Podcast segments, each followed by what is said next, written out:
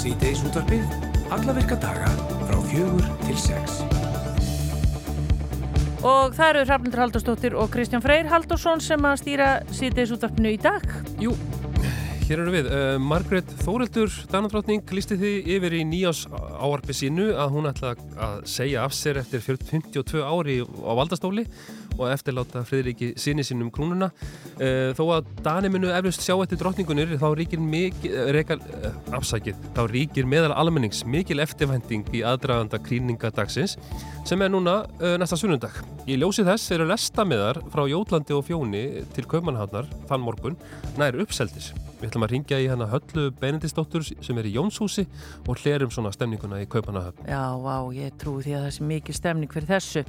Nú geta neytendur nýtt sér faglega þjónustu húðlækna á netinu en nýlega þjónusta húðvaktarinnar býður upp á slikt og þar starfa húðlæknar með margvíslega reynslu með það markmiði að veita hákjæða og fljótlega heilbyrðistjónustu sem er aðgengileg hvar sem er og hvena sem er í gegnum netið. En er hægt að lækna kvilla í gegnum netið? Við ætlum að komast í því í þættinum og hún kemur til okkar hún Ragnar Hlín Þorgestóttir, hún er húðlæknir og einn þeirra sem stendur á húðvaktinni og maður spyr sig, er þetta framtíðin? Áhugavert. Um, fulltrúar Háskólarás, Háskólans á Akureyri og Háskólans á Bifröst hafa samtitt að hefja samninga viðræður og saman myndu skólandir uh, mynda næst stæsta háskólarandsins. Uh, við ætlum að heyra í rektor Bifrastar sér á eftir Margreti Jónsdóttur Njarvík. Uh, frá því að greint í gæra bandaríski íþróttuvöruri sem Nike, mæti aldrei hvort maður sé þetta Nike eða Nike? Við þurfum að spyrja því á eftir. Við ætlum að gera það. og bandaríski kilvingurinn Tiger Woods, þeir hafa bundið enda á samstarf sitt sem hann staðið hefur síðastleginn 27 ár. Og Tiger Woods er eins og kunnit er eitt sigursælsti kilvingur sögunar en hann hefur notast við vörur og búna frá Nike e, og auglist merkið allt frá því að hann gerist atvinnumæður í golfi árið 1996.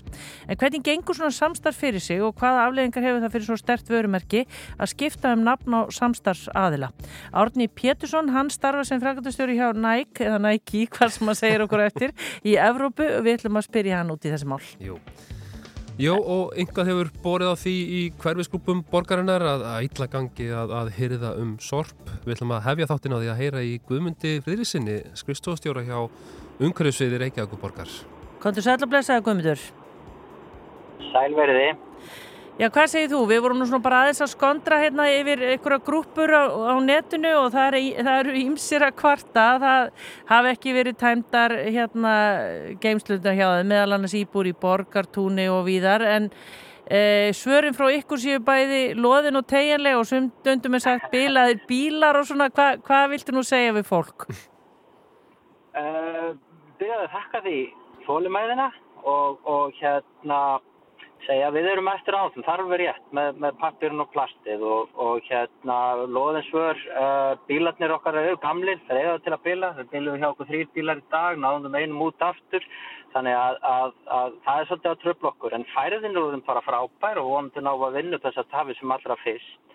Það er erfitt að, að hyrða þegar að svolítið eru svona mikið í geimslinu. Við erum að taka umframsvort hjá íbúinum sem eru utan við törnutnar og, og það tekur tíma að berða út þannig að við það er gott að koma staði á okkur til að benda íbúum að ganga vel frá því, setja það í stórsekki þannig að, að við komum straðar yfir. Já, en þetta er náttúrulega við um áður tala við ykkur um þetta sko að ef að sko allt fyllist af drasli að þá fyrir við að ganga ver um. Þannig að það er bara eins og sumst sumst að maður sér einhverja myndir að það verist vera allt komið í óefni. Já Ég sko, það er langt flestir íbúið ganga velum og, og ég vona að byrja til, til íbúið að, að sota sorpið í, í stórsekki og þess að það svo auðvitað að taka fram langt flestir eru að því. En svo er náttúrulega hluti sem að gengur í ítlum og ég held að sé uh, þannig að það spurning hvort að vestli þegar að, að tunnurnar eru fullar eða hvort að við tökum bara ekki eins mikið eftir því þegar að, að plása er í tunnunum. Það eru sko, það er verið að losa það sem ekki á heima í flokkunar í látunum með á grendastöðunum og, og hérna þetta er bara slagur sem við erum í. Hvernig með annars, uh, það nú lítið rættum annað þegar kemur að sorpirðu en, en flokkun og, uh, og það hafa, ég hef séð spurningar fólks bara hva, hvar á að henda jólatrjánum og öðru slíku, er það, er ekki ykkur á það að fólk sé ekki alveg visti sinni sög, hvernig á að, að hýrða sumt af þessu sorpi? Nei, ég held að vel flestir vita hvar þeir eiga að losa sig við sorpið og, og hvernig á að flokka. Við erum með mjög góðan árangur í flokkun og íbúar hafa tekið vel þessi nýja flokkunarkerfi. En talandi um jólatrénu og þeim þarf að skila á endurvillistöðar sorpu. Mm. Já. Um En hvað, hérna, hvað viltu þá segja við þá sem eru að býða núna? Þanga til að meðan að tunnurnar eru tróðfullar og það geta kannski liðið einhverju dagar. Hvað á fólk að gera? Já, uh, það er mjög gott ef að íbúar geta farið með það sem er umfram á grendar og endurvislustöðar. Við höfum fengið núna auka verktaka í að losa grendarstöðarnar þannig að þær eiga að vera tómar. Og uh, bara þakka þólumæðin ganga vel frá sorpinu og, og hérna við tökum það sem er umfram En, en til þess að, að létta vinnun og við komast hraðar að þá er mjög gott að verða að koma þessu grendur og endurvöldstöðar. Já, mm. en eru bílarnir að bila bara, ég menna nú eru þetta tunnur sem er alltaf þessu hannaðar, kannski marg skiptar og svona, er það eitthvað, einhver tengsl þar á milli eða? Nei, nei, enga megin. Mm. Uh, bílarnir okkar núna, þeir eldur frá 2014, þannig að þeir eru verið 10 ára gamlir, yngstu 2017 og svo fengum við 5 nýja bíla í fyrra. Við fáum þrjá nýja bíla á þessu ári og stefnum að kaupa tvo nýja bíla á næsta ári. Þannig að við erum svona endur nýja flotan. Hann er honum gammal og eh, bílana gætn og, og kannski kom okkur óvart hversu bílana gætnan er. Mm -hmm. En hva, hvernig með hérna bara almennt um sorp? Er við alltaf að kaupa meira, eigða meira og eru við alltaf að, að búa til meiri hauga af sorpinu hjá okkur á heimilum? Það er alltaf okkar upplifin svona núna þessi jóla, það er alveg gríðarlega mikið sorp og, og maður svona veldi fyrir sig hvað veldur uh, innkaupaminstrið er aðeins öðruvísi. Við erum fann að panta meira á netunni og fáum heimsend til okkar í umbúðum sem við losum okkur við fyrir jól. Þannig að fyrir jól er jafnvel orðið mikið af svona auka umbúðum sem ekki voru áður. Mm. En, en já, það er gríðarlega neysla. Já, einmitt það. Þannig að þetta er allt saman í vinslu hjá okkur og þú þakkar bara íbúðum Reykjavíkur þólimaðina? Já og byrst bara afsakunar á þessum töfum en við erum að gera okkar besta með að lengja vinnudaginn og, og vinna um, um helgar til þess að reyna að vinna þetta upp. Bílarnir eru svona að dröfla okkur. Nú er væri árið gott og vonandi gengur þetta hraðar hjá okkur. Já, einmitt það. Vonaði besta Guðmundur Freyríksson, skrifstofstjóri hjá Ungarísviði borgarinnar. Takk fyrir spjallið. Gangi ykkur vel. Takk ykkur. Já, bless, bless. Já, já, bless. þetta er, ég sá nú, ég minni nú mjög ofta á sko eitthvað sem ég tók eftir á grændargámi fyrir einhverjum, já það er allavega 2-3 ár síðan, þar var klósett, semst bara já. heilt klósett, það hefði einhver miskilið þarna plast og pappir. Var þetta Postilín. eftir jól? Það var ekki gámur, bara sem stóð postilín. Já, já, já, en hérna... Einhverju fengið salinni í jólakjöf eða eitthvað? Já, já. Já, nei, ég er bara að detta þetta til hugar. Já, já. Þetta tefur kannski. Ég er nú ekki að segja að íbúar séu að gera þetta í, í, í sorpgeimslu, menn... Nei. En hérna. En það var gott að heyri guðmyndi og þau eru greinilega að bæta úr þessu öllu saman og fannst þér hann vera alveg í rusli yfir þessu? Nei. Nei, er þetta lítill orðalegur Kristján. Afsækið. Ég elska þig að þú baða þig í aðtikli því ég veit að við munum eigða saman nóttinni en það bara hluti af heildinni. Já, ég þekki öll í leindarmá Hvíslar þeim að mér undir sænginni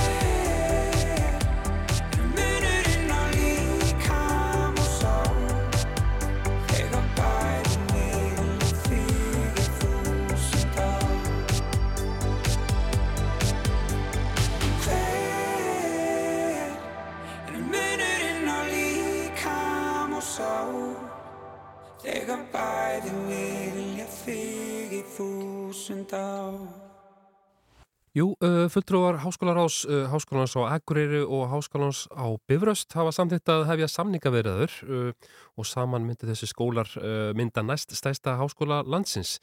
Við erum komið með hérna á línuna hana Margretti Jónsdóttur Njarvík. Sælurstu Margrét, Já, komið sæl. út rektor Bifrastar. Hvað segið þið á Bifröst? Uh, Það talaðum hér í þessari nýju frétt að, að þessar samningaverðaður getur nú tekið einhvern tíma en eru þið bjart sín á að þetta muni ganga eftir?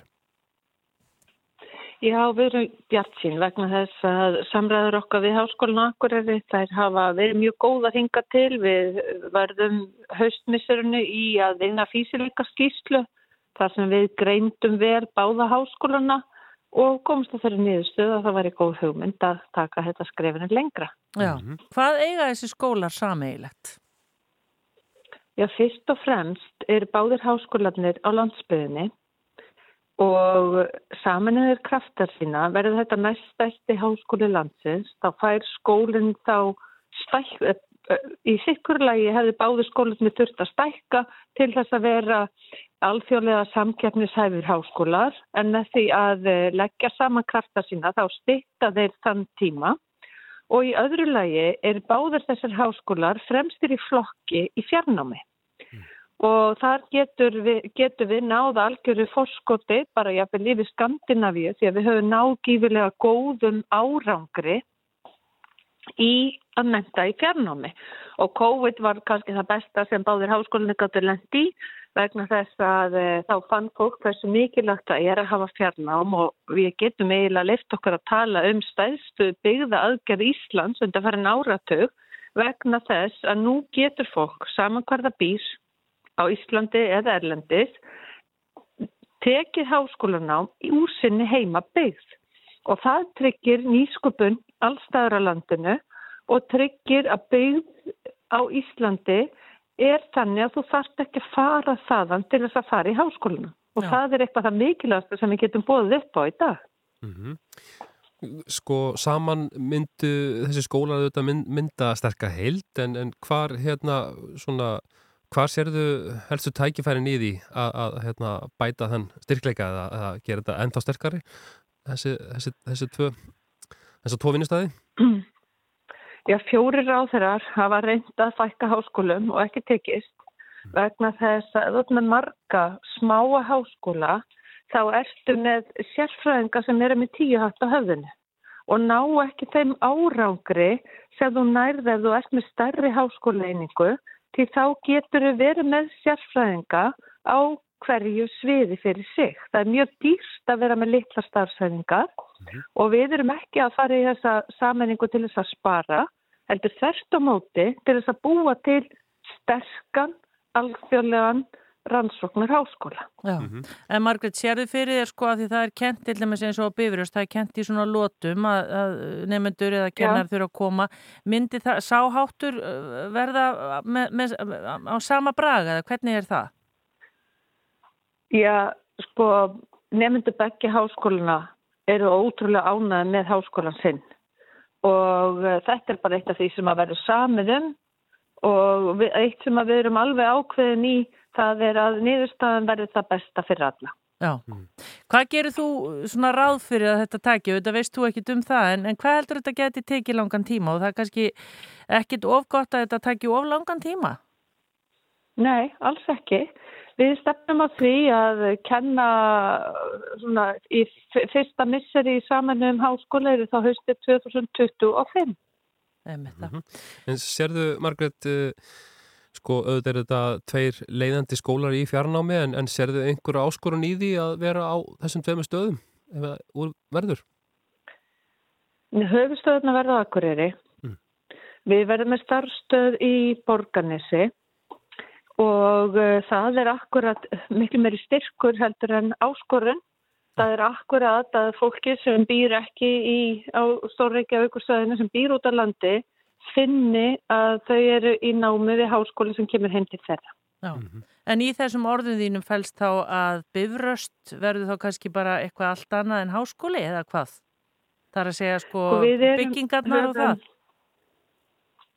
Já, hvað, veit, hvað vitum við um það? Í það minnsta vitum við að við höfum beint sjónum okkar að nýjum háskóla og hugsaum um það sem við getum búið til úr þeim tveimur frábæri háskólum sem við erum með. Já, mm -hmm.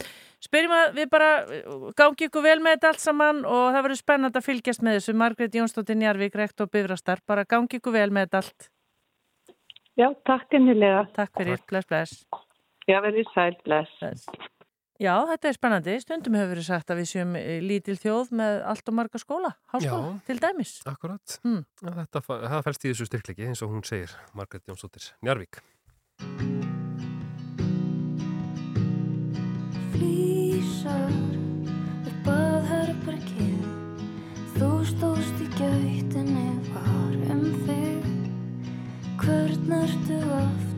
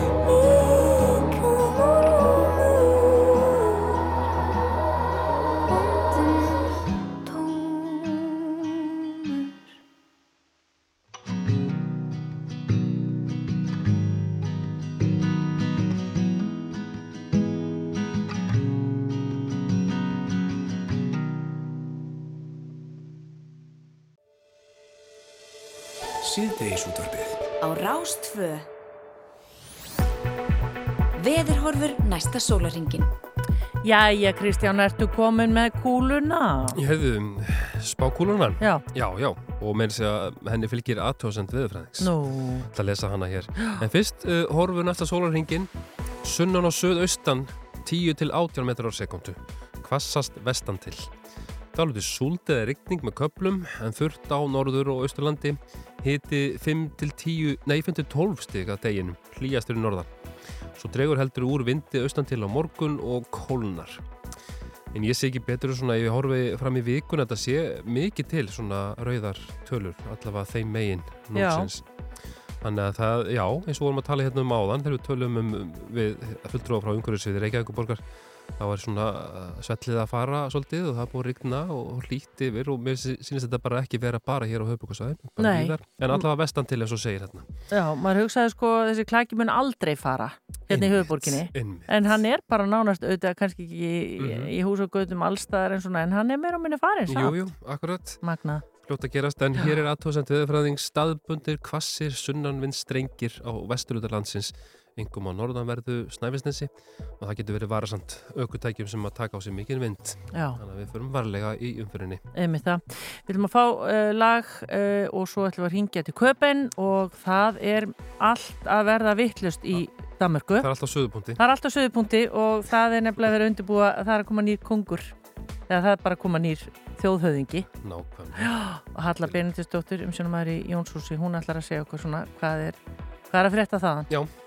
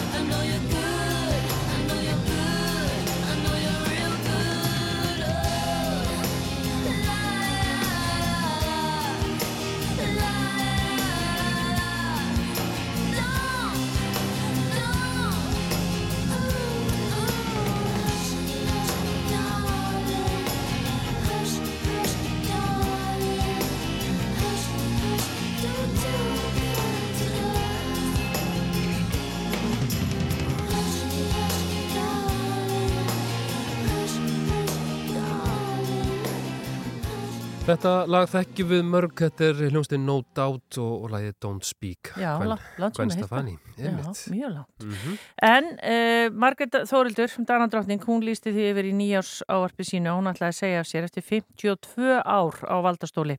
og Vel eftirláta, já vel gert, og eftirláta friðriki sinni sínum grunni og þó að Dani muni eflust sjá eftir drottninginni þá ríkin meðal almennings mikil eftirvending í aðdraðanda gríningadagsins sem er núna næsta sunnudag og uh, í þess eh, ljósi eru lesta með frá Jótlandi og Fjóni til Kaupmannhefnar þann morgun næri uppseldir og við fréttum af því að það veri nánast ekki hægt að fá hótelherbyggi eða hvað, í símanum er hún Halla Benediktsdóttir sem við hún hirti áður í hér í síðdeis útarpinu umsjónamæður Jónsúsi, kontur sæla blessuð komin í segla blessu. Já, það passar. Það verist allt vera að teppast. Alla leiðir til Gaupanhafnar er að teppast um helgina uh, og það, það er ekki nómið það að þeir, að, að þeir eru sko byrja fólk núna að koma ekki á hjóli í bæinn og helst ekki á svona ramasjólum. Það er svo mikið að ramasjólum sem eru svona kristjani hjól, það takk svo mikið pláss. En og ef þú ætlar að koma á hjóli að, að, að, leggja hjólunum þá langt í burtu því að þið regna með svo óðubóðslegum fjölda.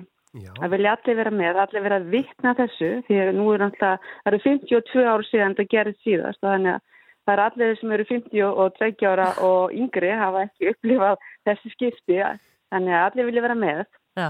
En hvað segir Þetta svona... fagst að vera þetta. Ymmið, og til, þeim- já, ymmið, það er frábært. En hvað, hvað svona segir pressan? Ég menna, er eitthvað, er eitthvað slúður í gangi? Það var nú eitthvað slúður hérna fyrir áramótin að hann hefði farið, eða hún hefði, Mary hefði farið einn til hérna Ástralíu og eitthvað svona, var eitthvað verið að gefa í skina eða er eitthvað að í hjónabandinu? Ég held að það hafi, ha, neða, ég held að það hafi svona verið rosa mikið eitthvað svona bara algjör slúður sko. Því að það kom svo í ljósi, hann fó bara nokkur tökum setna og öll fjölskyldan, börnir er náttúrulega bara í skóla og, og svo komum við öll tilbaka á sama tíma og svona, þannig að það var alveg slögt á því bara, alveg bara mjög hratt og öruglega.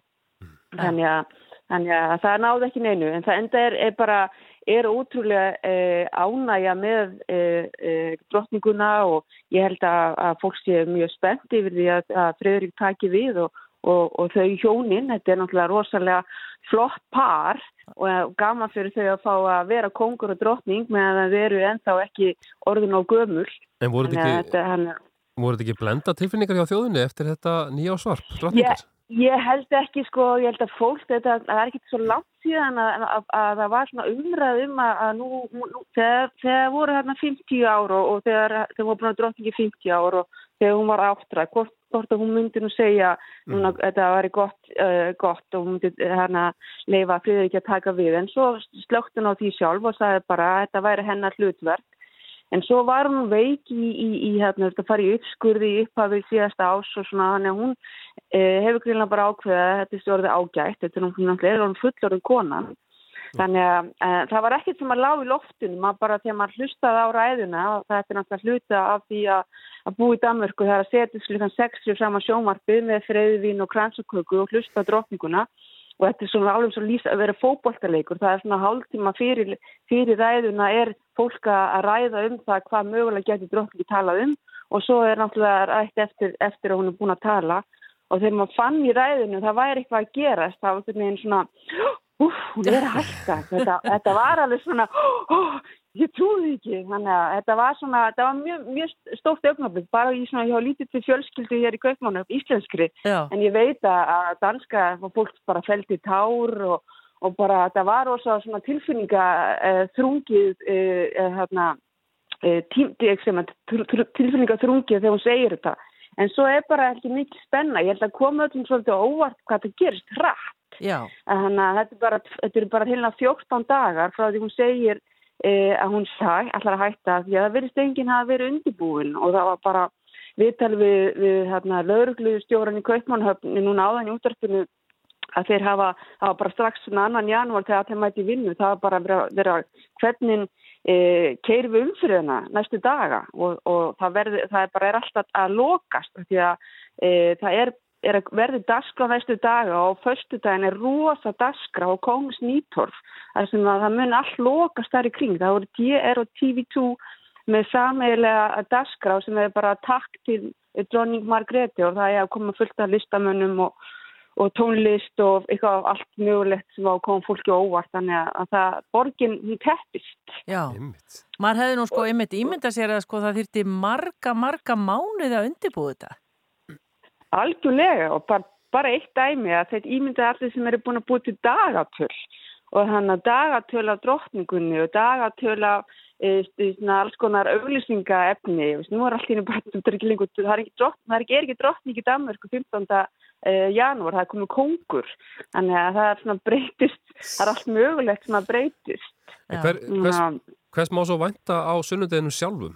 Náttúrulega formleg klíningar aðtönd og allt það, en Já, já, já, það er náttúrulega, það er náttúrulega, það verður náttúrulega bara massi af fólki allstar og, og þú, ég veit ekki, e, hérna, það er náttúrulega búið að gefa út nákvæmlega sko bara 13.35, þá keirir hérna krónprinspari frá uh, höllinni og hérna, þannig að þetta verður, þetta tekur ykkur að 2-3 tíma, e, já, e, er eira til 5, þá mútum við fara aftur tilbaka og, og, og fánunum er skipt e, þannig að fánin sem er að, að drottningi býr, það kemur nýr fána því að kongurinn flytur í aðal höllina og drottningin flytur eitthvað annað.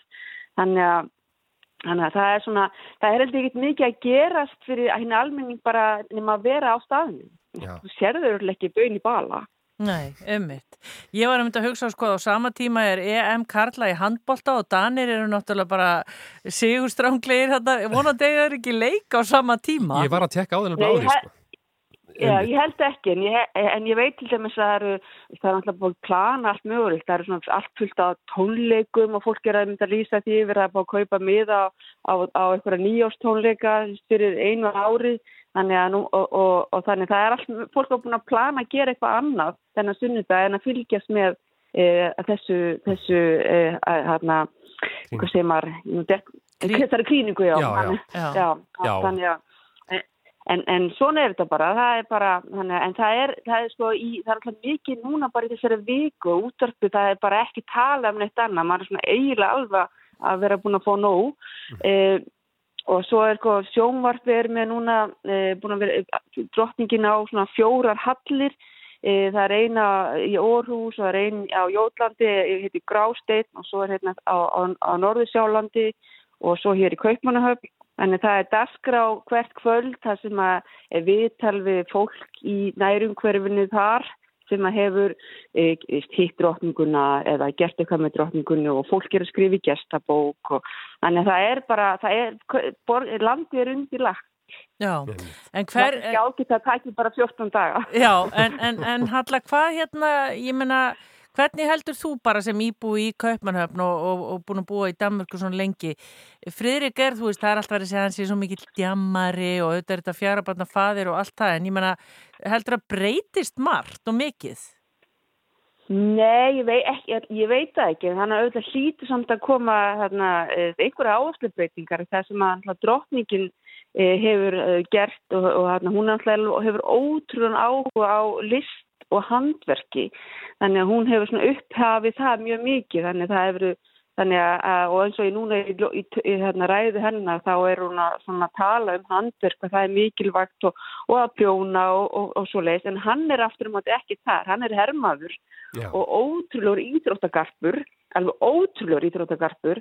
Þannig að það verður áhugavert að sjá hvort að, allir dani verður bara allir bara að leggja bílum eftir nokkur ár og allir fari bara að lappa því það er betra fyrir vilsuna ég veit það ekki. Þetta eh, hann er alltaf Já, en hann er alltaf, yng- eh, þó hann sér hún gammal, þá er hann alltaf yngri og það var alltaf mjög aðbilsvert síðasta föstu dag þegar hún keirir hérna síðasta skipti á gullvagninum, uh, þá keirir hann eftir á ramaspíl, þannig að það þótti mjög svona Já, já. ákveðið svona uh, teikna, hann er umhverfis, uh, þau eru er, er, er á þeim, þeim pælingum uh, að hann er ekki, keirir ekki Rolls Royce heldur en á umhverfisbíl, á Já. umhverfisvælum bíl. Það fer valla að byrja að reykja þannig, nei, nei, Friðrik. Nei, ég held ekki. Nei.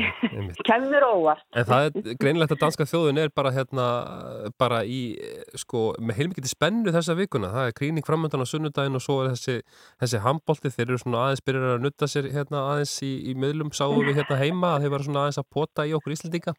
Að, að Ok, við værum, já. að gull, gullið væri frátekið fyrir dansku þjóðuna í handbóltanum. Og, Já. og En hvenar er þeirra leikur þá? Já, ég sá nefnilega að ég leita að duperi áðan sko, Danir munu keppa.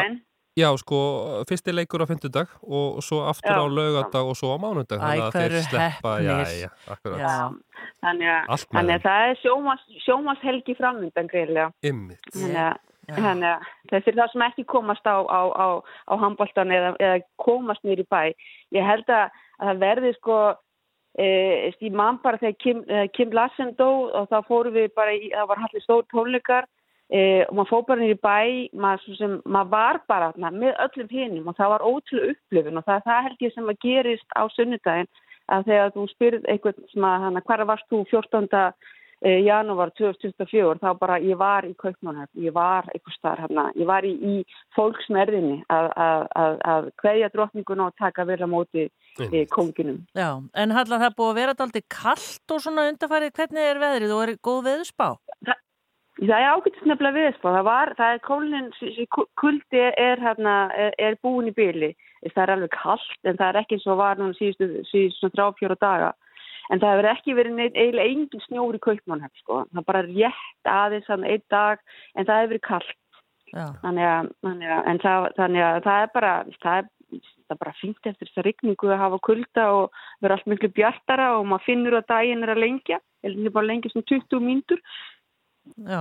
Þannig að það, það skiptir, skiptir mi- miklu máli fyrir, fyrir, fyrir geðhilsuna að- að að hafa bjart og fallegt. Já, og svo er þetta bara gott, er það ekki að þetta sé í janúar, þetta liftir öllum einhvern veginn svolítið upp. Þetta er algjörlega, algjörlega, þannig að þetta er svona, einmitt, allstæðar er frekar janúar, frekar svona e, tilbyrtingalaus mánuður en þetta gerir allavega mjög mikið og, og þetta er náttúrulega bara mál mána, málana, því þetta ímyndað ykkur, maður það er allir að spyrja ætlar þú að vera á, á sunnudaginn, þannig að, þannig að allir að fara nýr í bæ, þannig að það er svona, þetta verður, er mál málana. Já, Við þetta er spennandi. Já, við munum örgulega fylgjast uh, með handbóltanum og svo krýningunni hérna. Vá, frá það er veistla í janúar. Já, akkurat. Við, er þetta Það ekki bara DR? það er veistla.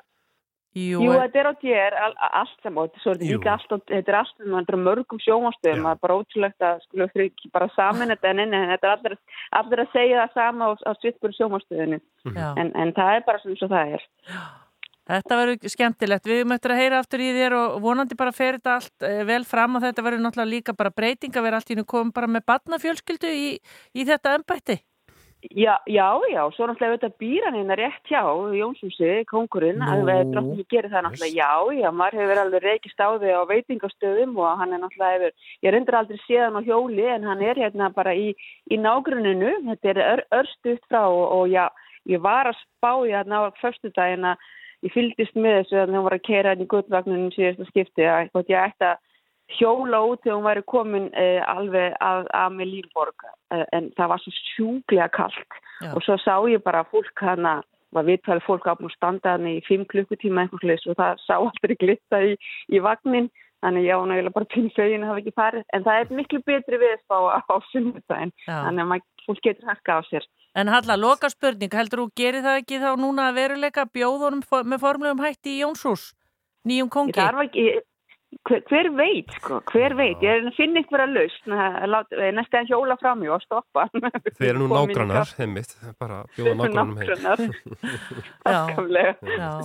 Bestu, bestu kveði til Kaupanhafnar Halla Benediktsdóttir og eins og ég segi við uh, Íslandingar, við erum frændur okkar danir, við Jú. lifum okkur svoleiðis inn í þetta allt. Já, já, já, hún heitir náttúrulega Þórhildur og hún var náttúrulega, hérna, pappina var náttúrulega kongur yfir Íslandi. Já, en hann, hún var, hérna, þegar hún fæðist þá er, er, er, er hérna, e, Ísland hluti af, af, af, af þessu hérna, konusríki, þannig að við eigum svolítið í henni, Við þó hún heiti alltaf hér Margrét Þórhildur en við segjum náttúrulega alltaf Þórhildur og erum mjög stolt af því. já, um þetta.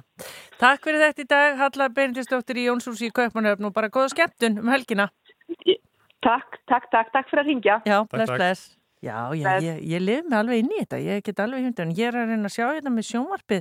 Já, ég var að, Ætlum við sem ekki að sína frá þessu? ég sá það nú ekki, en það er nefnilega mikilvæga landsleikur á, á sun- sunnudag. Já, sko, en við- hann er nú ekki fyrir, eða?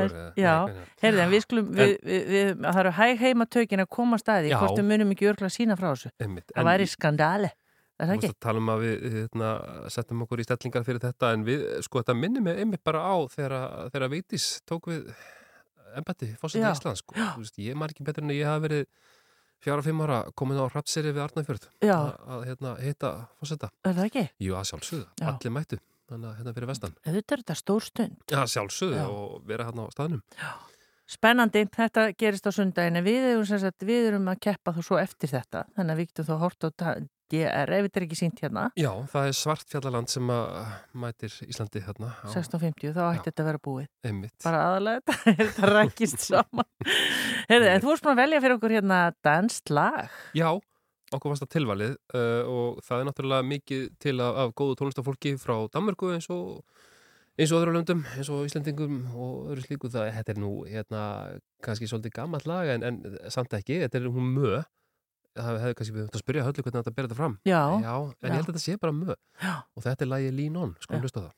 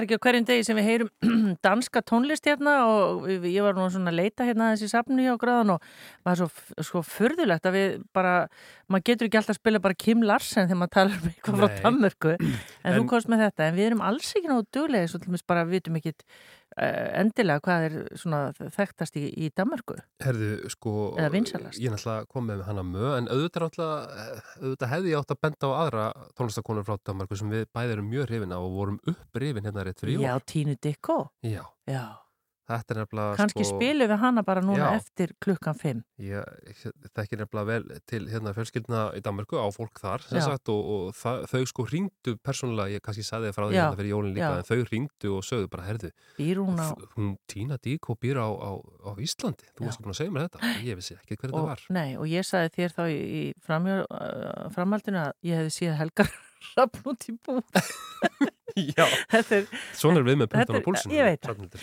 en uh, hér framöndan við ætlum að uh, tala um fjarlækningar uh, við húðvandamálum Já, það er hægt að fá núna bara tíma hjá húðlækni gegnum mynd og maður sýnir bara vandamálið. Já, Ég veit ekki hvað gerist svo, fáum að vita það. þetta er áhugavert. Já. Svo ætlum við líka aðeins að heyra af uh, fulltrúa eða frá Nike, Átni Petisson sem að starfa þar, sem fræðstöru hjá Nike í Evrópu, við ætlum að aðeins að spyrja út í, í svona fannbransa alla saman, við heyrðum að því að Tiger Woods uh, hafi bundið enda á samstarfið Já. og svona, við ætlum aðeins að forðast um þetta og komast þetta svolítið forðilegt Já, þetta er hann er búin að vera mjög lengi, 27 Já, ár. 27 ár Hvort þið séu með hérna, puttana á einhverjum kandidat sem að Mm. ta taki þarna við Mhm. af tækir. Þetta er meðal þess að við ætlum að fjallum hér á eftir en það er að koma tilkynningar og frétti klukkan 5 og svo höldum við áfram í síðdeisúttarpunni.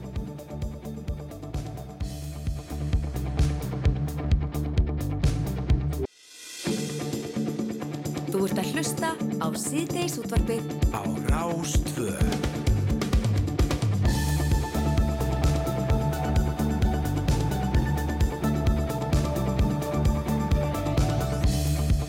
Höldum áfram í síðdeisúttarpunu á Rás 2 og við ætlum að kynna okkur næstu mínutunar uh, þjónustu sem að bóður upp á á vef sem að heitir Húðvaktin. Og uh, þetta er ekki bara vefur, heldur er þetta, ég var að segja, læknis uh, þjónusta í svona fjarlækningu. Og uh, þetta eru sérst húðlæknar sem að starfa þarna sem eru með margvíslega reynslu. Og þetta, sérst að þau eru með það markmið að veita þarna hágæða og fljótlega heilbyrðistjónustu sem er aðgengileg hvar, og, eh, hvar sem er og hvena sem er. Og þetta tengist nú kannski svolítið því sem vorum að tala við Margretti Jónsdóttur Njarvík að þú getur stunda háskólanám hvar sem þú býrð og, og hérna óháð því og hvort þú e, í hvaða skóla þú sækir námið. Já, já. En hún er komin ingað hún Ragnar Hlín Þorgesdóttir sem er húðlæknir og er eini eh, þeirra sem stendur að þessu, eh, segja, verkefni hjá húðvaktinni. Vertu velkomin. Takk fyrir. Segð þú okkur, hvað, hérna, hvað var til þess að þið eru þrjú er það ekki sem stopnið þetta? Jú, það sést ég og, og Janna Huld, við erum húðlagnar uh, sem að uh, við störfum á húðlagnarstöðinni, hérna stofinni og um, við erum búin að vera með hennan draum í maganum í, í, í rauninni allmörg ár að því báðar kynntust við fjarlækningum þegar við byggum í Svíþjóð, við vorum þar við nám og störf og uh, það var svona ímislegt sem ítt okkur staði í þetta verkefni. Það er alltaf mjög langir bygglistar til uh, sérfræðinga á Íslandi í dag og, og þar með tali húðlækna og þeir lengjast bara með hverju árunu. Íslandinga verða fleiri og fleiri en sérfræðilæknar uh, þeir standa í stað. Það er ekki mikið fjölgun í, í fæinu og, og við höfum tekið eftir að, að hérna, það er allavega sex mánuða byggð að koma stað hjá húðlækni og hérna það sem, það sem ítt okkur líka út í þetta er uh, það vantar auki aðgengi fyrir landsbyðina. Allir húðlæknar starfa á höfuborgarsvæðinu fyrir utan eitt sem er á eilstöðum þannig að margir þurfa að leita sér þjónustu uh, mjög langt. Sem er náttúrulega bara ótrúlegt fyrir fólk sem er kannski bara með einhver alvarleg vandamál. Já, og mikið er hægt að leysa með myndum. Okkar fag er mjög svona sjónrænt Þannig að okkur bloskraði stundum þegar fólk var kannski að koma með flugi frá Ísafyrði eða Egilstöðum til þess að hitta okkur í 15 mínútur til þess að sína okkur til dæmis bara exem og fæti sem við hefðum alveg geta leist bara með einni mynd. Já, mitt. Þannig að þá gerir þið hvað? Nei, ég meina, hvað hva, hva gerir svo? Því ykkur blöskraði þetta? Já, þannig að við vildum leysa þetta vandamál og eins og sagði áðan að við höfðum kynst fjarlækningum um, í Svíþjóð og nágrannar þjóður okkar eru lengra komnar í þessu Þannig að við hérna vissum ekki alveg hvernig við myndum hérna útfæra þetta en það eru við ekki mentaðir í svona teknigeranum og, og þá fengum við snillingin eh, Bjarnakristinn til liðs við okkur og þá fór hlutinni svolítið að gera. Þetta er búið að taka heilt ár og við erum svolítið svona langt og strangt ferli eðlilega því við erum ákveðinu brautriðundur á þessu. Þetta er reyni fyrsta fjarlækninga þjónustan af þessari tegund á Íslandi. Þetta hefur ekki verið gert áður, allavega ekki á þennan hátt og við fórum í samstarf við eh, heilbríðstekni eh, fyrirtækið Helix sem að héttaður Origo og þeir eru búin að þróa fyrir okkur ákveðna lust. Eh, Máli er það náttúrulega að maður þarf að uppfylla mjög streng skiliri þegar að fara út í svona mm. persónavendalög, tölvu öryggi. Þetta er náttúrulega mjög viðkamar upplýsingar sem að fólk er að senda okkur bæði myndir og, og, og hérna lýsingar þannig að, að erfiðasta ferli var inn að leysa þetta þannig að, að gögnin yrðu örug og það, það er það sem Helix gerði. Hann fyrirtækið þróaði fyrir okkur þjónustugátt sem heitir Vissa þannig að þegar fólk uh, sendur okkur beini þá fer það bara beint inn á þessa þjónustugátt og gögnin fara beint í sjúkraská viðkomandi. Þannig að við erum að vinna í uh, sögukerfi sem er bara hérna, sjúkraskákerfi sem við notum á Íslandi og við getum þá sendt livsela, við getum sendt hérna, fólki blóðpröfur, uh, við getum bóka tíma hjá okkur ef þarf, að því þá getum við bara greint, er þetta eitthvað sem við getum leist bara með mynd eða þarf við komandi til dæmis að koma í sínatöku eða jafnvel aðgerð. Já. Og þannig að tekst ykkur að, fyrir ekki, þannig að tekst ykkur að, að greina og þið tekst ykkur til þess að greina bara og meðhendla svona flest allt sem kemur inn.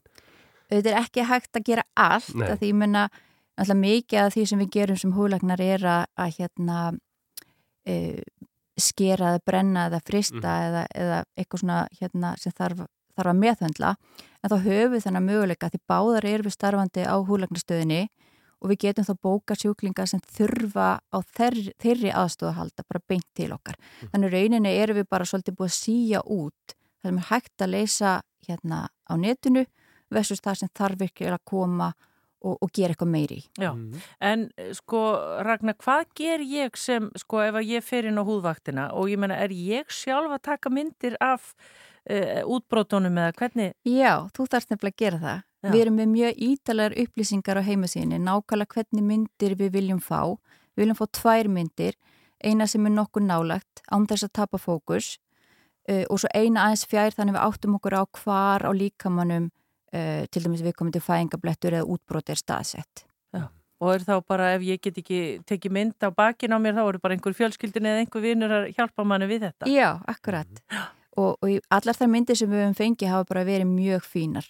Ef, ef þær er ekki nóg skýrar þá höfum við möguleikan bara að svara fólki og byggja um að taka nýja mynd og senda okkur aftur. Heldur þetta sé kannski eh, hérna, algengt að, að, að sjúklingar kannski komi og eru hvað, með svona lítilvæg eh, vandamál og leiðandi fyllast bygglistar og, allt það eina? Algjörlega, Mhm. algjörlega. Þetta getur losað um þetta? Já, og, og steitt bygglistana, það er náttúrulega markmið að steitta bygglistana og, og hérna að, að jafna aðgengi að þjónustu. Mhm.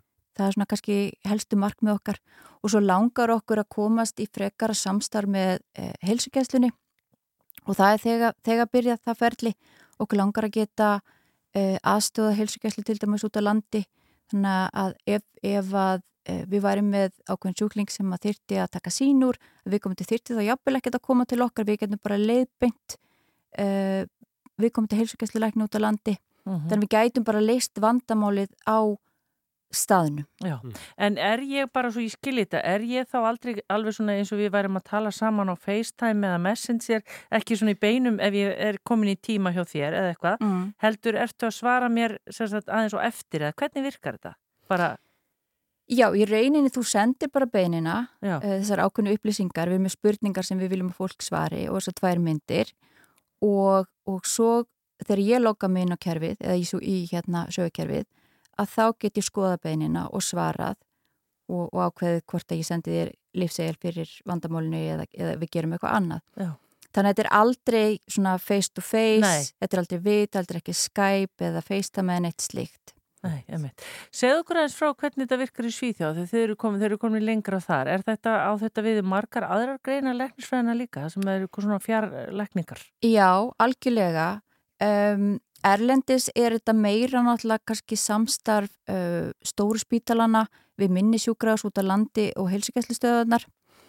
Um, okkar reynsla frá Svíþjóð er svo að um, það er náttúrulega miklu meiri fjarlæðir þar heldur en hér. Já. Þannig að fólk var að koma óbáslega langt að til þess að hitta sérfræðing og þá, þá voru bæði svona fjarviðtöl þannig að fólk hittist á, á netinu og svo var þetta að senda myndir. En þá var það kannski húðlæknir og minnisjúkrahúsið sem hafi samband við sérfræðing á, á spítala eða helsugæslulæknir. Já, en ég menna en aðrar læknisgreinar, ég menna af því að húðin, þú veist, þú getur tekið mynda einhverju, en ef þú Mm. ert með eitthvað sem þú getur ekki tekið mynda, þeir eru bara illt eitthvað staðar eða eitthvað. Það er pínu erfiðara þegar þarf að hlusta lungu og, og, og hjarta og, og eitthvað svo leiðis.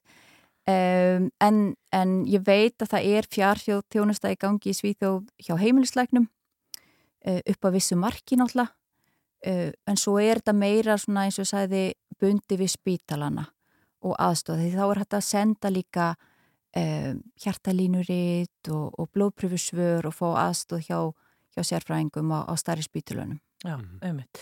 Hvað með þá sem er ekki eins færir svona í tölvum og svona, nú er kannski eldra fólk að því hún nefndir náttúrulega þjóðun er eldast og svona Mm. Eh, það er náttúrulega bara kannski bara hjálpa þeim sem er ekki eins flinkir í þessu, ég menna til þess að bjarga sér sjálfur Það er náttúrulega hægt að fá aðstof þá hjá þeim sem eru yngri, Já. kannski börnum viðkomandi, en eins og ég segja áðan, ef við förum í frekara samstarf með heilsugjastlunni, að þá geti heilsugjastlan út á landi líka komið til aðstofar við þetta gamla fólk. Já. Þannig að þá, þá myndi læknir senda myndir og tala við okkur. Já.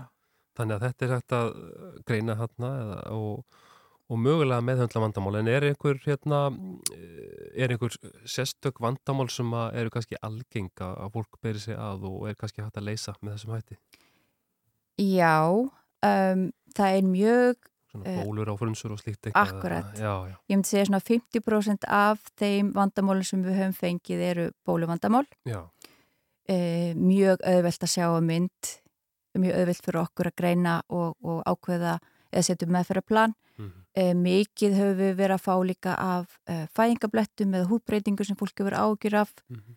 e, og svo e, eczema og psoriasis. já. Svo, þetta er allt þessi bara algengustu húfandamál sem við erum að kljást við. Já.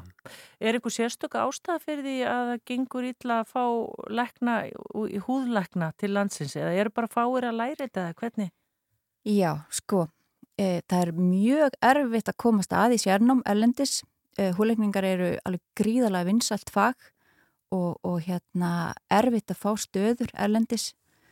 E, svo er kannski fáir bara líka sem sækja af, af þeim fjölda sem útskrifast e, úr læknadeildinni á Mhm. Íslandi. E, og þeir sem að ha, er að læra úti er ekkit endilega að koma heim heldur. Nei. Þannig að það er svona ýmsið þætti sem spila þarna inn í. Já, já.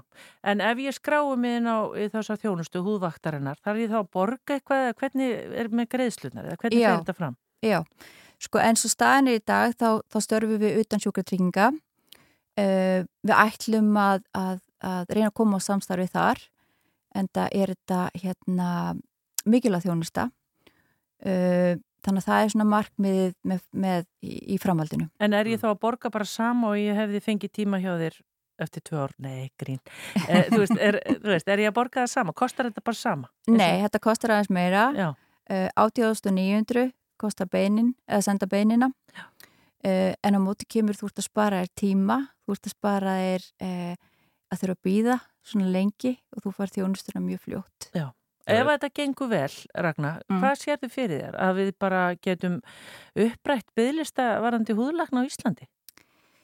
Mér finnst það mjög óleiklegt að við getum alveg upprætt á en, en það er uh, byðin það mikil núna en vonandi getum við fækka bygglistunum þannig að, að þeir sem virkilega þurfa að komast að á stofu komist mikið fyrr að já. og þess að ég ætla að leysa þessi minnaháttar vandamál með þessum hætti. En talandi um þess að byggðlista, uh, þetta er auðvitað áræðanleg og aðgengileg þjónasta og, og hérna, gott að nálgast hana á netinu en hvernig er með uh, afgriðsluna á, á hérna, beinunum?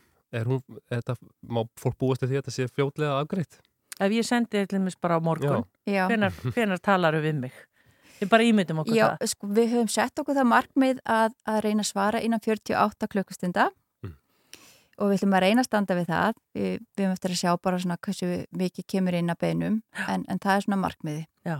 Ef það kemur óbúslega mikið þá náttúrulega getum við ekki, gert, ekki, ekki staðið við þetta en það er svona það sem við stefnum að allavega. Já, nú eru þið svona, ég veit að kannski bara svona á yngri kynnslóðinni ég leknum Ragnar, en sérðu að eru þeir að horfa til ykkar þeir sem eru kannski búin að vera lengi í starfinu og er einhvern veginn bara, bara dæsa vegna þess að þeir bara einhvern veginn komast ekkit áfram bara því að það er svo mikið að gera. Já, eins og þið vitið að þá held ég að sko, fólk í heilbríð skeirum er svo orðið svolítið langþreytt á ástandinu. Það, það er ekkert launungumál, uh, hvort sem það er í hérna á stofum út í bæ eða, eða landsbytalegin. Þannig að hérna, auðvitað erum við öll bara að leita að lausna. Við erum að reyna að auðvelda bæði okkur og fólk í lífið Mm -hmm. og þetta er eitt liður í því. Um, það er frekka leiðilegt þegar fólk þarf að taka sér frí úr vinnu eða fara hérna keira á, á, á óleglegum hraða til þess að sækja barni í leyskóli til þess að koma í til læknis Mm. þannig að hérna þetta okkur finnst við vera auðvelda fólk í lífi með, með, með því að byrja að bjóða upp á þessa laust Já, og þetta á náttúrulega al, alveg jæmt við um börn, þú getur verið með barnið og tekið mynd þess svona Já, Já. algjörlega Serðu þeirri ragnar að, annars konar þjónusta geti nota þessa laust í læknum, þarf að segja að, aðri sérfræðingar? aðri sérfræðingar Já, það er alveg mögulegt það Já. er hérna algjörlega hægt að skoða einhverju vinkla á, á því Mhm. þó að við séum, ég myndi segja kannski að við okkar sérgrein sé svo best til fallna Já, út af því bara- og Já, því okkar sjúkdómar liggja utan á Einmitt, þú sér ekki hvernig fólki svíður eða eitthvað Nei, Eða- Nei, hvernig- það verður Nei, hérna. Já. Þannig að það er spennandi að fylgjast með þessu húðvaktinn og það er bara húðvaktinn.is og þeir eru svona, eins og þú sagði, sko, við erum svo nýlega byrjuð en fer vel á stað, eða hvað? mjög vel Já. Mjö, bara fólk er almennt mjög spennt yfir þessu Já. Sem og við Já, það verður áhugavert að fylgjast með þessu. Ragnar Hlín Þorgesdóttir húðlagnir hjá húðvaktinni. Takk fyrir komuna í síðdeisúttarpi og gangi ykkur vel. Takk, takk Síðdeisútvarpið Á Rástfö Veit ekki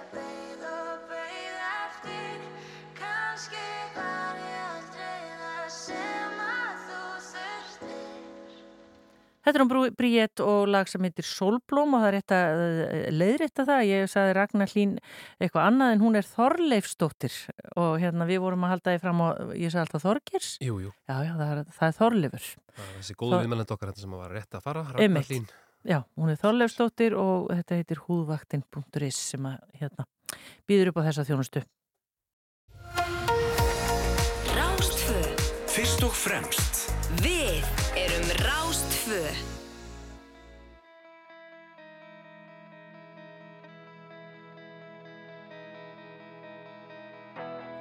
in the mirror. So many people standing there. I walked towards them into the floodlight.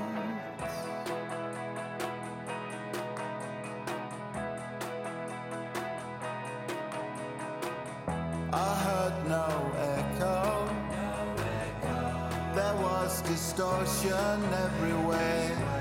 I felt my ego. I felt Roberto standing there.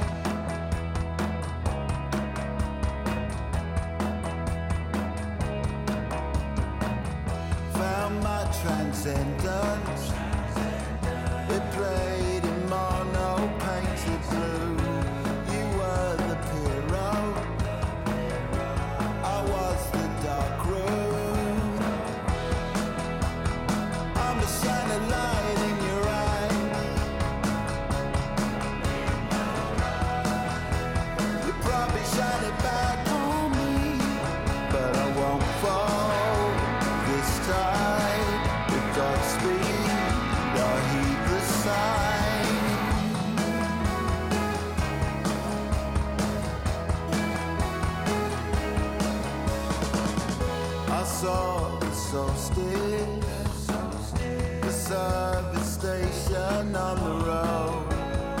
Took the acid under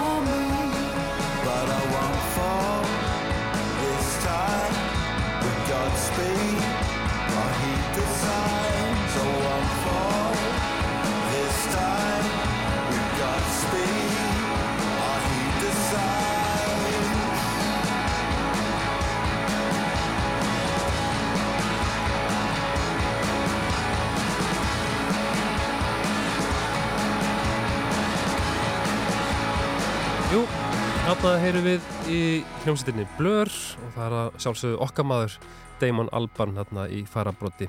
En við vorum að tala rétt áðan um kríninguna í, í Kaupanönd sem framöndan er á, á sunnudag og vorum að velta fyrir okkur rannlundur hvort þetta er eitthvað hérna sínt eða sagt rásu hér á okkar miðlum hér á Rúf Já. og við reynilega bara nældum í Já, yfir mann frétta, erlendra frétta, uh, Byrtu Bjóstóttur og, og hún er hengið að koma til okkar. Sæl Byrta. Og bless. Takk fyrir að koma með svona skömmu fyrirvara. Það er bara alveg sjálfsagt. Akkurat. Hvernig verður þetta, verður mikið greint frá þessum herli hittum sem að verða á, í köpunarn á sunnundaginn? Já, já, við ætlum að vera með góða fréttavakt á rú.is. Það, það verður ekki svona, afsaki, það verður ekki svona bein útsending í sjónvarpi uh, vegna þess að við fengum þar upplýsingar frá Danska Ríkisútarpinu að hluti af því sem að þarna fer fram, fer fram fyrir luktum dyrum og þetta verður ekki eins mikil viðhöfn og var til dæmis þegar Karl var krýndur konungur í Breitlandi í fyrra. Mm. Þetta er ek ekki eiginleg krýning sem slík, en þetta er sannarlega valdaskipti og bara stór dagur í, hérna, í danskri sögu og allt það og við munum sinna því mjög vel á vefnum okkar rú.is. Við verðum með fréttavakt þar og og streymum beint öllu sem við fáum frá Danska Ríkisjónvarpinu eh, meðal annars þegar hann kemur til hallarinnar sem prins og fer þaðan sem konungur. Að það verður svona móment á svölónum þar sem hann veifar til mannfjöldans og þau hjónin, hann og Mary eiginkona hans munu eh, keira um borgina í kjölfar þess að hann er orðin konungur og hún Mhm. drottning. Þannig að það verður alls konar um að vera og Danska Ríkisúttarbrið ætlaði að vera með bara útsendingar allan daginn og er, er, held ég að sé byrjuð nú þegar í vikunni, vikan er alltaf undir lögð það er mikið um að vera í kaupanahöfn það er búið að setja upp alls konar hérna eh, um, umferðarstólpa og hérna byggja fólk um að koma snemma til borgarnar þannig að verður mikið um að vera þannig, við, og við ætlum að sinna því eins og ég segi mjög vel á rúbúnduris með fréttavakt og svo verður við með alla bestu bútana í sjómarsfréttum klukkan 7 á á sunnudaginn Já, einmitt. En hérna, uh, ég menna, það, íslenska þjóðin er líku í jafn spennt og, og svo danska. Já, já, ég menna við, höfum öll held ég svona hlýjar taugar til Margreðar Þóhildar og þetta er svona okkar gamla herra þjóða sjálfsögðu og margir sem að ég hafa búið í Kaupan búa núna eða í Danmörku og svona við eigum marga tengingar þangað, margir sem að nýta sumafrí og vetarfrí að fara þangað. Já. Þannig að ég efast ekki um að áhugi Íslendinga á þessum valdaskiptum verði líka talsverður. Við ætlum að reyna að svala þeim áhuga. Einmitt. En hvernig fyrir fólk sem að e, dönsku þjóðina og þau, þau sem að verða hann á staðnum, þau eru kannski, jú, að sjá hann verðandi konum koma á svæðið og, og, og svo er það sem að gera þarna innan húsið mitt og, eða kannski ekkit annað sem að þau sjá hérna, koma Ja. og fara. Já, það er svona aðalatrið en svo kannski, jú, þetta svala moment að sjálfsögðu og svo verða einhver skotu og fallbissum og annað slíkt og ég held að sko áhugin sé hérna óumdeildur ég, ég var og bjó í Danmörku þegar þau giftu sig, Friðrik og Mary og keirðu þetta um í vagni í kjölfar hérna aðtafnar og það var öll borgin undirlögð og ég get ekki ímynda mér að hérna, áhugin sé neitt minni núna Nei, einmitt. Og við erum svo heppin að þetta verður búið þegar við keppum svo í handbólta. Já, þannig að það ættu allir að ná öllu Já, einmitt. Hvenær byrjar á íslensku tíma? Manstu Þetta byrjar, já, við byrjum fréttavaktinu svona um upp á hátegi, ég held að sé svona um hálf uh, eitt sem að svona Mhm. þau byrja að leggja stað til hallarinnar og, og annað slíkt. Já, einmitt það. Þá veitum við það. Birta Björnsdóttir, takk fyrir komuna í út úr við. Takk fyrir. Takk. We are not living like I thought we would, you and I. With all the luxury we bought just 'cause we could, and had too much time. And everything I never thought that I'd need, I'm mortified to see it stacking up around me on every side. Baby, please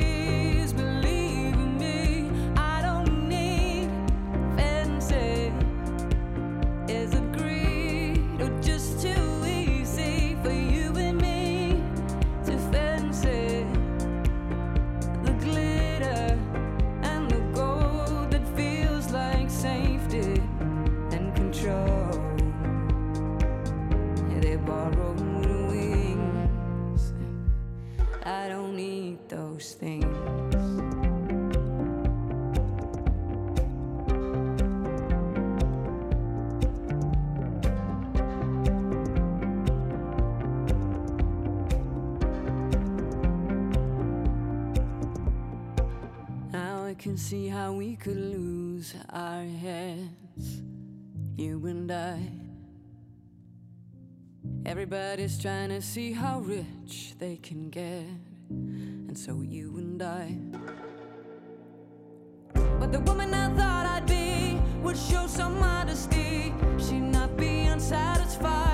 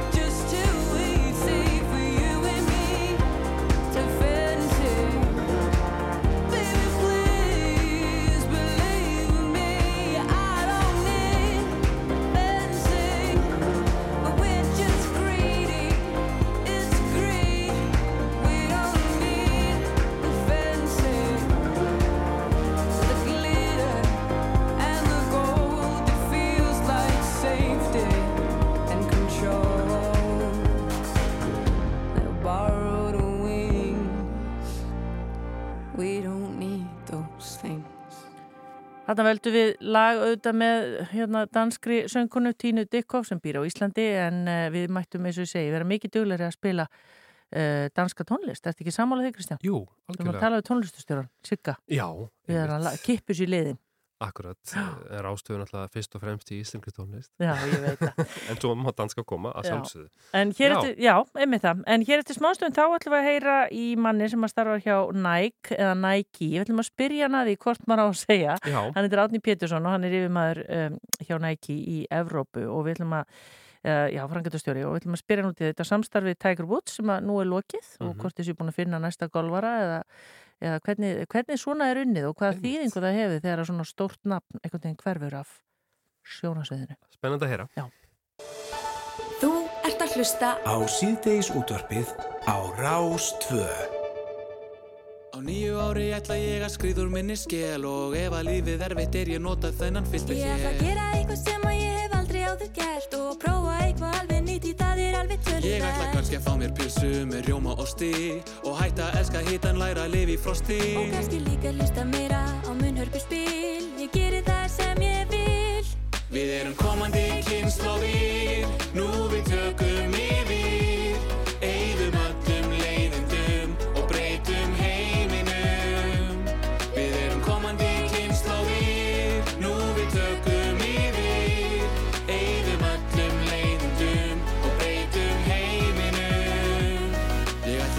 ætla ekki að lusta á aðra alveg sama hvað er sagt. Fara mína eigin leið, ekki morgun heldur strax. Og ef ég ætti núna fyrir framtíðin að spá Ég held við leysum erfið mál og framundan eitt veislu á. Ég ætla kannski að baka köku úr hundasúrum. Kannski safna kertum eða gömlum úrum Og núna ætla ég að hoppa og gera það oft. Þetta árið okkar tökumst á loft. Við erum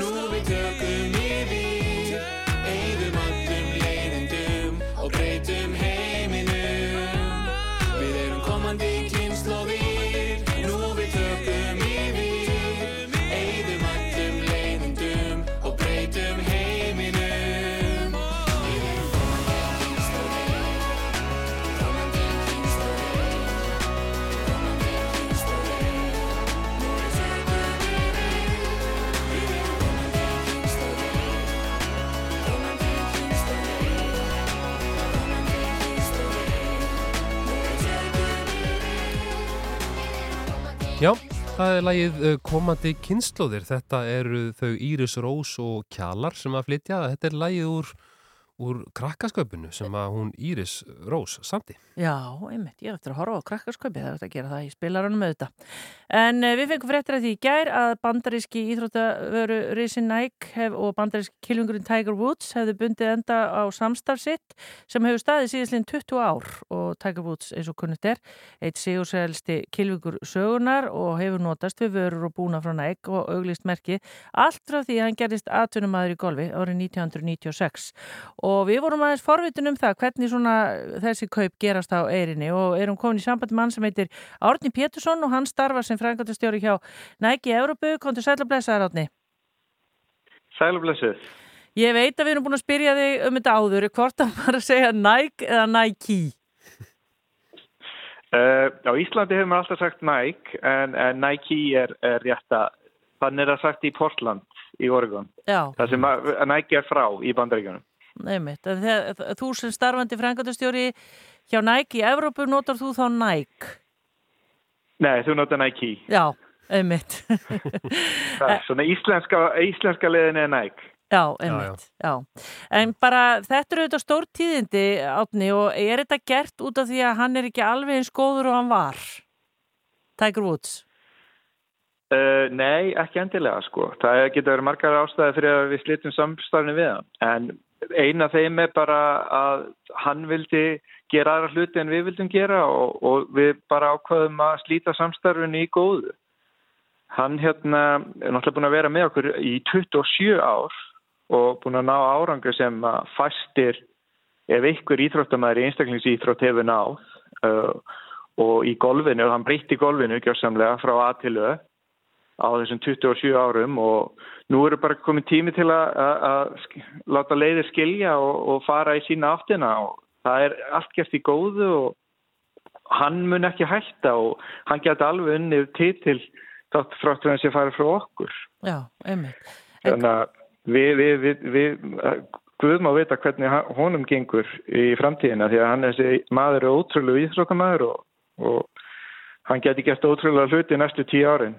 Já, ef ekki hann þá svonur hans, er hann ekki farin að tjálta honum hann upp á upp á yfirborðið, síni síni sem er ykkur ægilegt efni? Jú, ég held að Tækер muni aldrei skilja við íþróttina. Það muni verið eins lengi og hann mögulega getur. Já, einmitt. Er þetta ekki mjög þekkt samstaf? Var þetta ekki svona eitthvað íkonist á sínu tíma þegar Tæker Woods og, og Nike uh, fara að vinna Jú, saman? Jú, við náttúrulega Jú, þetta er náttúrulega við, hann kemur inn bara þegar við erum að byrja í golfinu og hann vex með okkur og við vöksum með honum. Uh -huh. Við förum alveg, förum í það að vera heilstætt golfbrand, förum í kilvunar og boltana og, og bara ótrúlega skemmtilegu tími. Svo ákveðu við 2016 minni mig, þá hætti við að fremlega kilvunar og boltana vegna þess að það hendaði bara ekki okkar viðskipta mótili sem nækva með og, og hættum í kilvunum en heldum áfram með fatna og skó og, og fylgilhuti þar sem við erum í dag í golfinu mm. en þetta er búið að vera alveg ótrúlega magna samstarf og,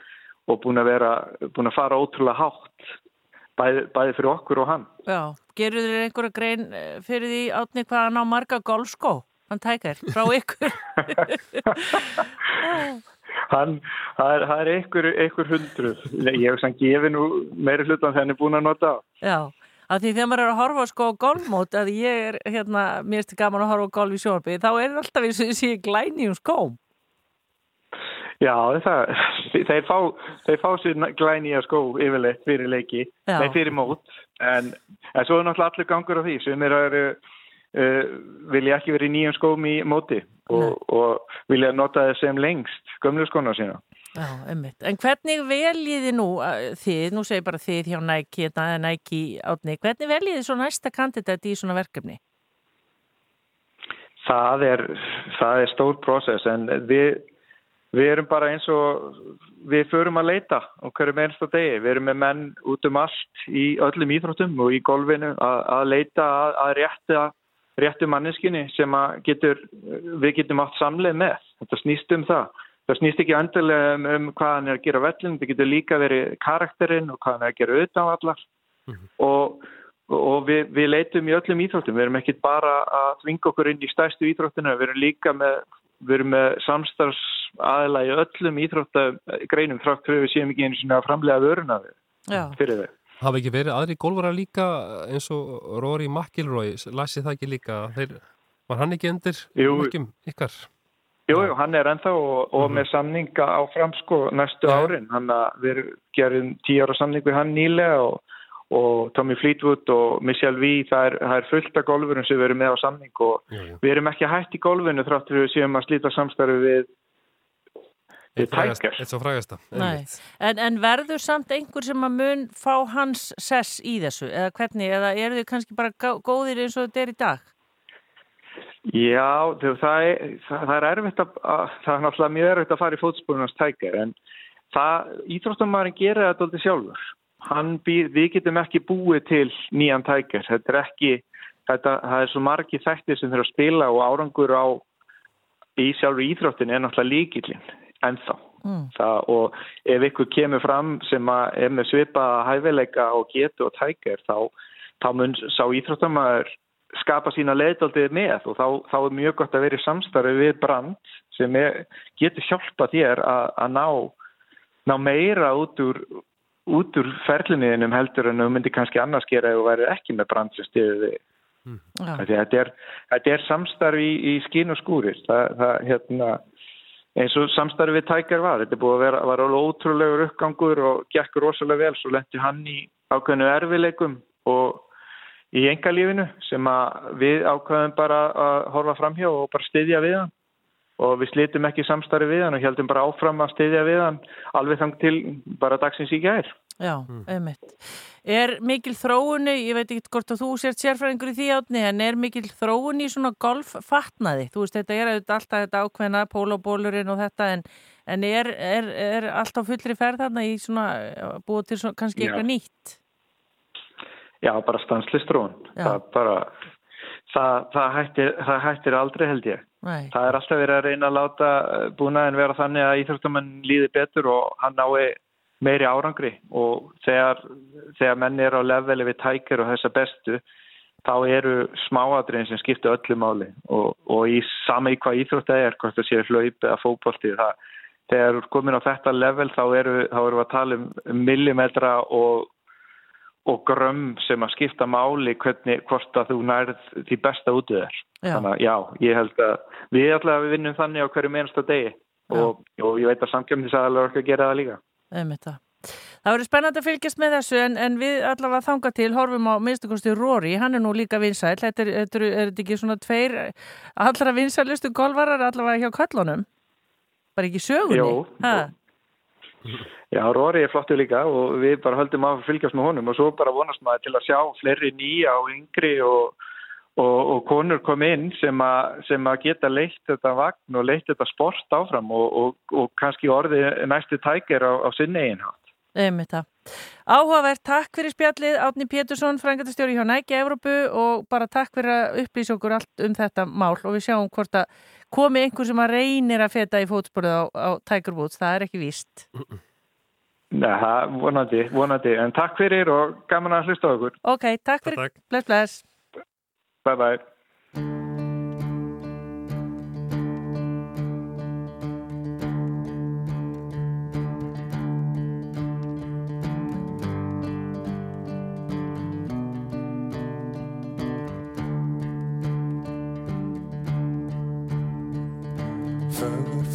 Blúsandi siglingu og öllarnar fyrir mig grenjandi rigningu. Stými heim í heiðadalinn, góður strákur og velum balinn.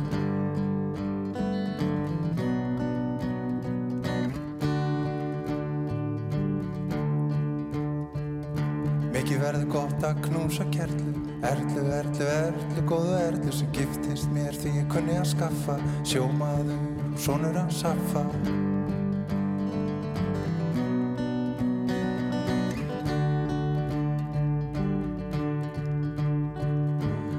Hlakka svo til að hitta börnin Maríu, Hænu, Hafþór og Örnin Vinna upp tíma, klippa smá líma Í eldingaleik fram að hafta tíma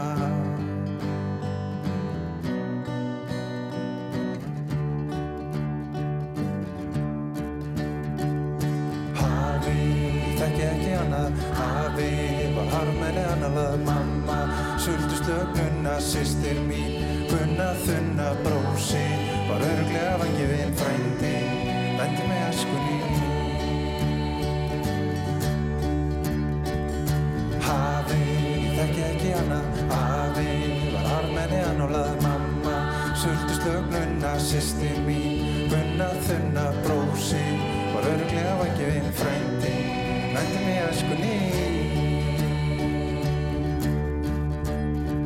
Þegar heim er komið býðum í flaska og á tröppunum stendur ferðartaskan Erla góða fór með vini á hespak síðasti túra kyrði um þerbak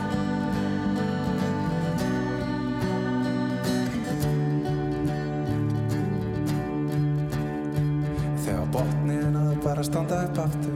Þetta veit hver heilvitar aftur. Vatnandi mönnum er best að lifa. Henni geta bara geti hundaskýt og slefa.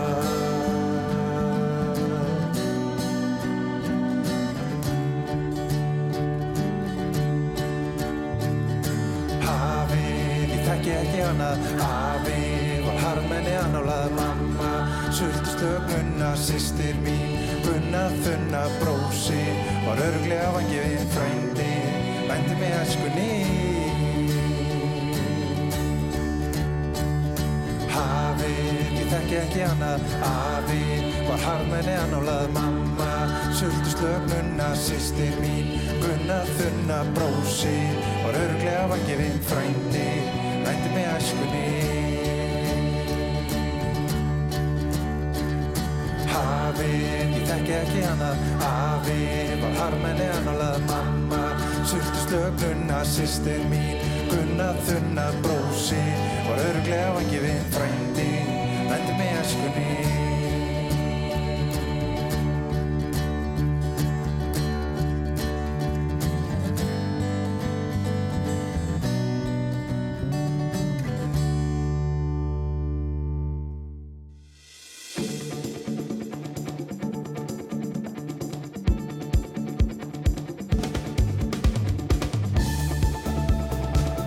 Já, hann heyrðum við í Benna Hem Hem uh, flytja lagið Paris Norðusins og þetta var gert að tilhengni þess að Rástvöð var 40 ára, mann setið því? Það var það var nú skemmtilegt ár. Hún er 41 árs núna. Einmitt. Já, ég sé að það er svona einhverjir farnir að koma í húsið það er náttúrulega getur betur. Já, bara hefst á eftir Minnum algjörlega á það. Einmitt á rú.is. Eh, Fyrsta umferðin, við töluðum aðeins við þau í gær. Já. Mm. En heldur að Tiger Woods eigi jafn marg, mörg skópur og Ímelda Marcos átti? Ég veit ekki hvað sagði átni, þetta eru nokkur hundruð. Ég meina Já, ef hann er búin að vera í 27 ár mm og hann fer alltaf í nýja skó í hverju móti Vá, það væri gaman að vita nú, En Ímelda Marcos, hún átti yfir 3000 pör þannig að ég held að þetta sé ekki alveg, alveg Heldur sama, ekki? sko. Nei, nei, Nei, Hún var ekki. ekki sam, neinum samningi það kom ítla fyrir pingjur hjá henni. En við erum búin að koma við við í dag og bara tala við til dæmis höllu í Kaupanöfn um uh, já, þennan sunnudag sem að mun sennilega bara vera í uh, aðalhutverki hjá öllum dönum og bara öllum sem við hérna geta fyrst með og við ætlum að gera það hérna rúf á Já. netinu á Gáttum vefnum. tala, fengum hérna aðeins hann að Byrti Björnsdóttur til þess að koma og segja aðeins frá því hvernig því verður gert skil á, á sunnudaginn hér á rú.is einmitt það. Mm. Svo ringdu við Átna Pétursson sem sagði okkur allt um uh, Nike eða Nike, það fyrir eftir hvar þú ert í heiminum og svo ringdu við Margreti Jónsdóttur Njarðvík og við tölum um húðlekningar og í gegnum fjár fjár uh, búnað einmitt og fórum aðeins yfir sorphyrðuna hérna í borginni Já, við erum þólumóð og hann bara baðast afsökunar Já. og bara byður okkur að halda fórum að vera þólumóð bara auðmygt, Já. það er svona að vinnum við þetta saman Einmitt það. En Kristján Rafnildur, við ætlum að kveðja ykkur, við ætlum að enda þetta á Bee Gees og lag sem heitir More Than a Woman og við verðum svo aftur með ykkur í, á morgun í útafinu. heldur betur, Takk með fyrir í dag.